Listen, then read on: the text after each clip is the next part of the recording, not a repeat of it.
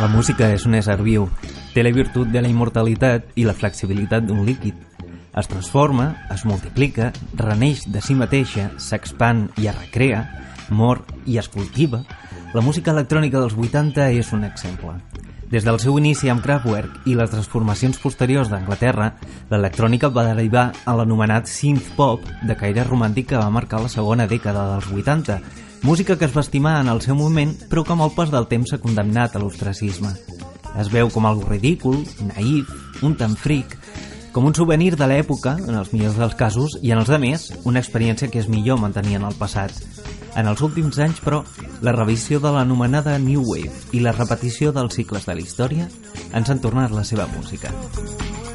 Avui, Anatomia del so, els 80 ja no són una discoteca bruta.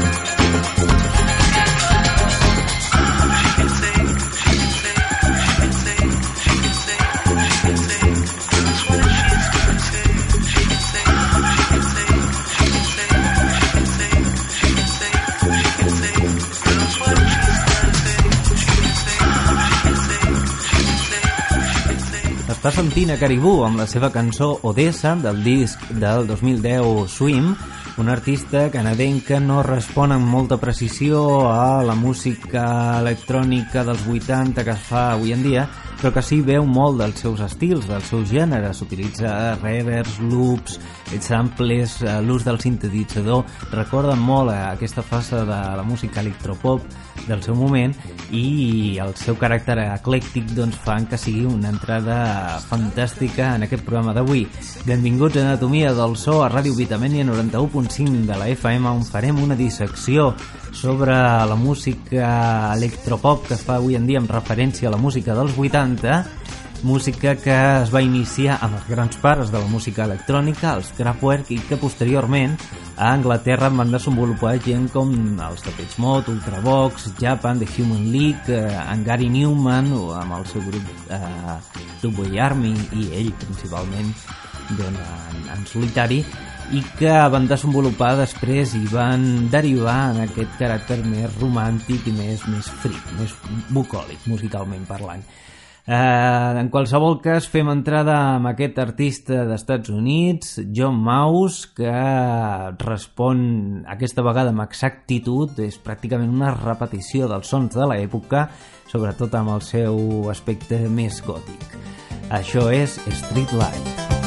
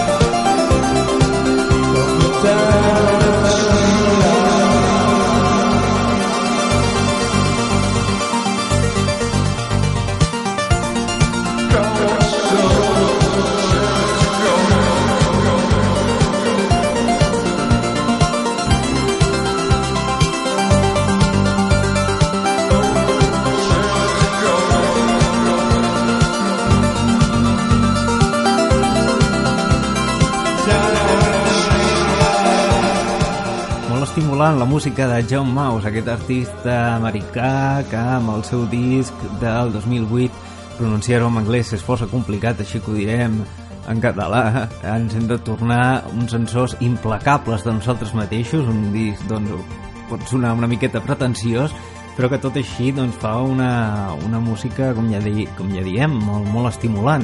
Veu efectivament dels estils de, de la New Wave, de música doncs, més sinistra, més gòtica de l'època, té aquests revers amb les veus que semblen cants gregorians d'alguna manera, però fa coses una música molt, molt bonica. Uh, està molt, molt ben treballada, hi ha molta intel·ligència a l'hora de marcar els ritmes i les melodies de les cançons, que moltes vegades recorden fins i tot els Stranglers, a part dels seus discos de la Feline, per exemple, i que després si el veus en directe penses aquest pobre Beneït no està bé un tio que és un motivat ho viu per dintre però de totes maneres sembla que, que no estigui gaire bé eh? us recomano molt que veieu algun vídeo per poder entrar doncs, a, i veure com aquest personatge fa les seves cançons i les viu, eh? en qualsevol cas les viu en si mateix. I benvinguts al món del She Wants Revenge. Eh, ella vol venjança, la música d'aquests dos DJs de Los Angeles amb la seva cançó Monola.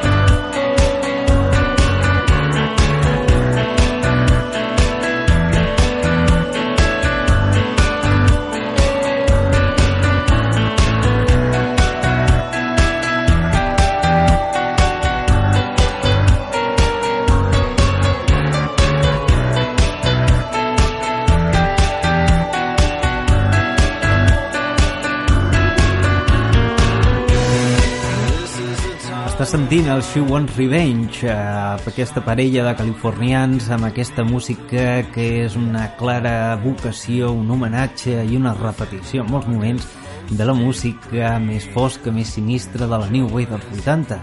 Eh, en ella n'hi ha referències a Bauhaus, als Chameleons, als Sisters of Mercy, als Flanoshimox, als Cure, eh, els Depeche Mode, evidentment, i que eh, aquest eh, parell de DJs doncs, eh, van retornar al món de la música en el moment en què s'estava fent la, la més forta revisió de la música New Wave i que es va traslladar a la música indie. En qualsevol cas, fem Anatomia del so ara mateix un gir completament diferent per sentir un artista francès que ha treballat en moltes bandes sonores i que la seva música recorda molt a la que configuraven a artistes italians de, com Giorgio Moroder o Angelo Badalamenti que van actuar a bandes sonores de pel·lícules com Scarface o L'Expresso de Medianoche.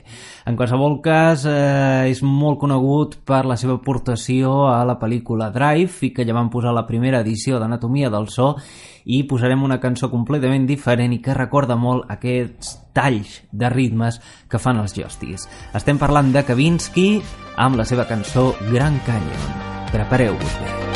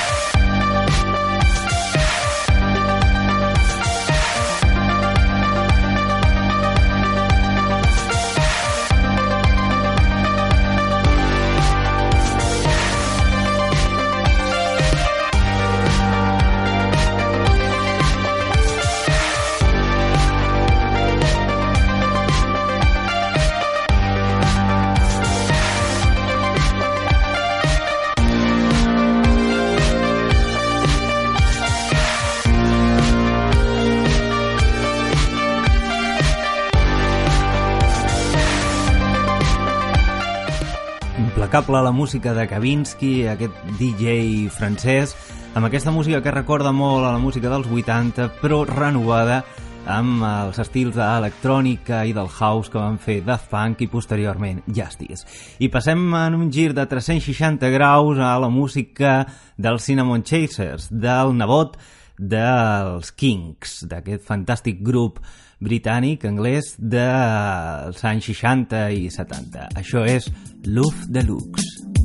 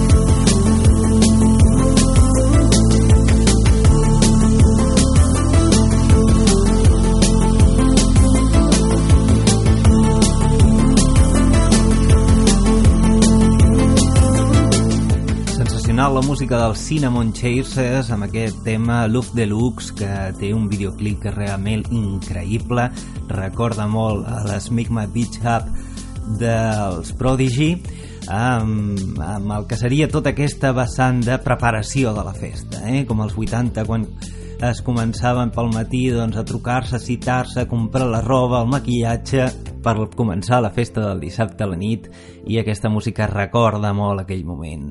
I passem a fer una baixada a les profunditats de la música més dolça, més sensiblona dels anys 80 amb els Beat Connection, aquest grup de Seattle molt jove, de finals del 2011 van començar al, als seus inicis a la música electrònica i que recorda molt aquesta vessant més, més tranquil·la, més subtil, més de baixa fidelitat de, de la música ochentera. Això és Same Damn Time.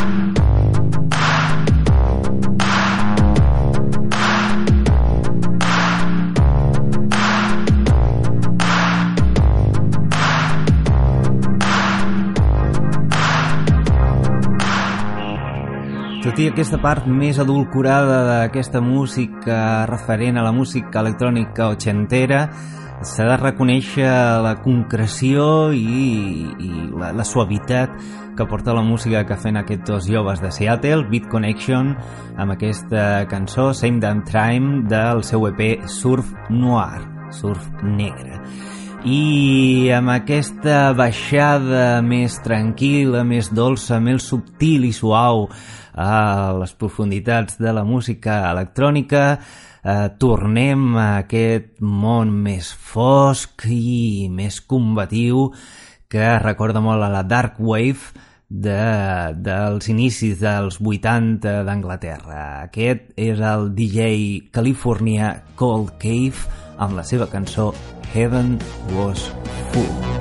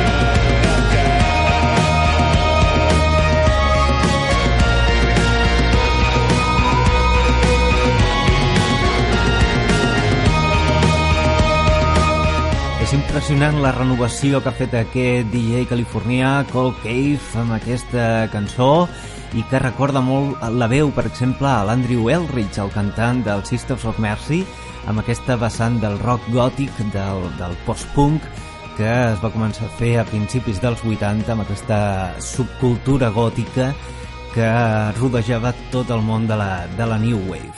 Sensacional i amb la fantàstica música dels Cold Cave tornem eh, i continuem amb aquesta vessant gòtica amb els Blank Dogs, un projecte d'uns nois de Nova York i amb aquesta música també fosca i en tota la sinistralitat de la música New Wave.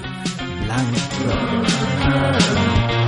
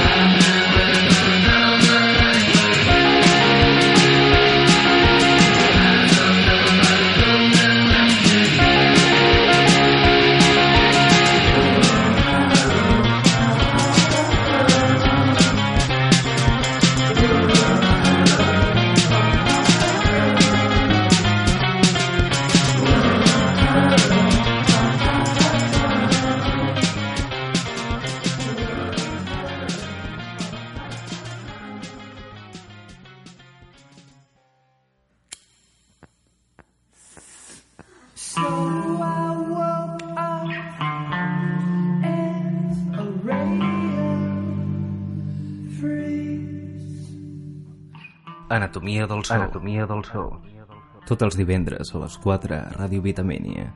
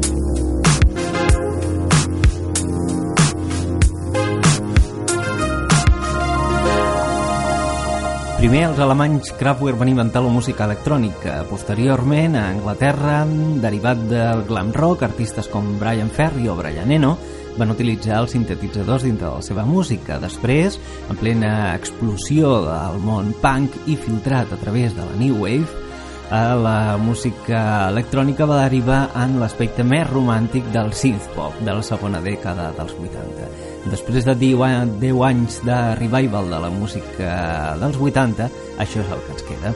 Estem parlant de l'artista CFCF, artista canadenc, que pren el seu nom de la ràdio del seu país, amb aquesta cançó eh, Raining Patterns eh, del seu disc editat al 2009 Continent i únic llarga duració d'aquest grup tot i que després doncs, posteriorment ha estat fent remixes per molts artistes com els Crystal Castles o The Presets Uh, amb aquesta suavitat i aquesta tranquil·litat gairebé líquida de la música d'aquests canadencs passem a conèixer Kindness, un artista londinenc que l'any passat va editar el seu disc World You Need a Change of Mind Món necessites un canvi de perspectiva i un noi molt eclèctic amb una música derivada doncs, de tot el house, del funk, del soul dels anys 80 amb un caràcter doncs, de, de qualitat, amb un disc conceptual molt divers, amb músiques molt diferents i on trobem aquesta delícia, Give Kindness.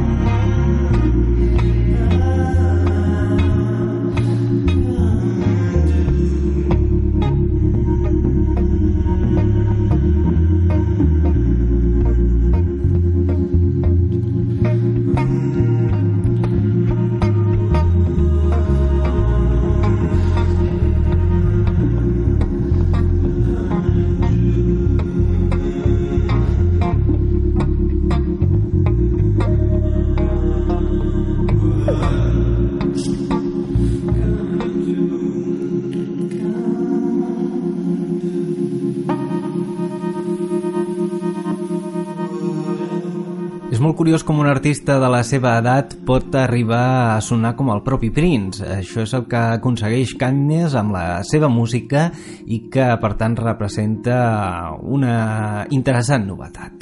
I després d'aquesta part més instrumental, amb aquesta espècie de meditació synth-pop de la música dels 80, ens posem una miqueta més ballables, més tranceros, sobretot, eh, una miqueta més àcids, amb la música dels Palers, aquest projecte del suec eh, Anger Dart i que era un dels components d'un conegut grup, Labrador, amb el seu projecte que va iniciar amb aquesta vessant més electrònica l'any 2011 amb l'EP The Sea of Memories i aquesta és la seva fantàstica cançó Humdrum.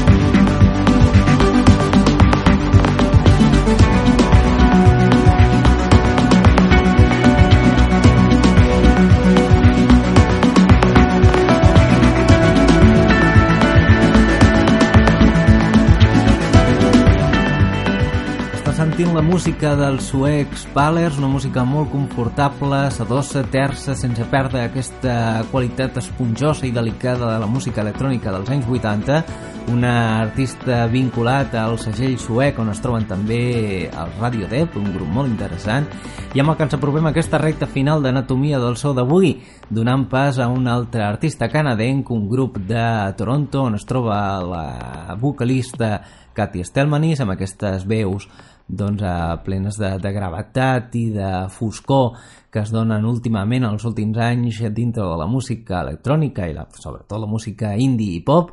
Estem parlant d'Austra, eh, que pren el seu nom de la mitologia lituana, de la deessa de la llum, que amb el seu disc It Brick de l'any 2011 van treure aquest single fantàstic. Això és Spellwork, Austria.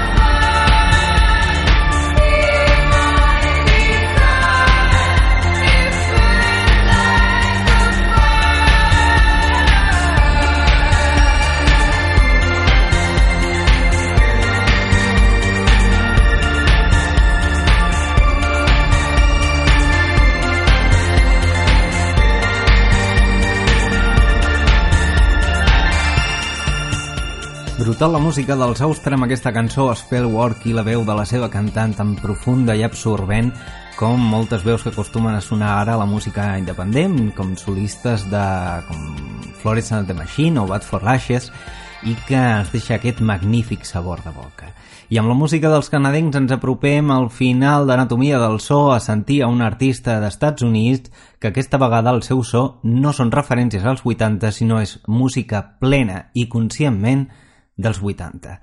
Eh, lluny de convertir-se en una utilització o una renovació d'aquesta música, el caràcter dels discos de Washed Out, la, aquest artista, doncs, eh, som ja ben bé una repetició del seu so i en tot cas deixem aquesta fantàstica peça Hold Out. Això és Washed Out.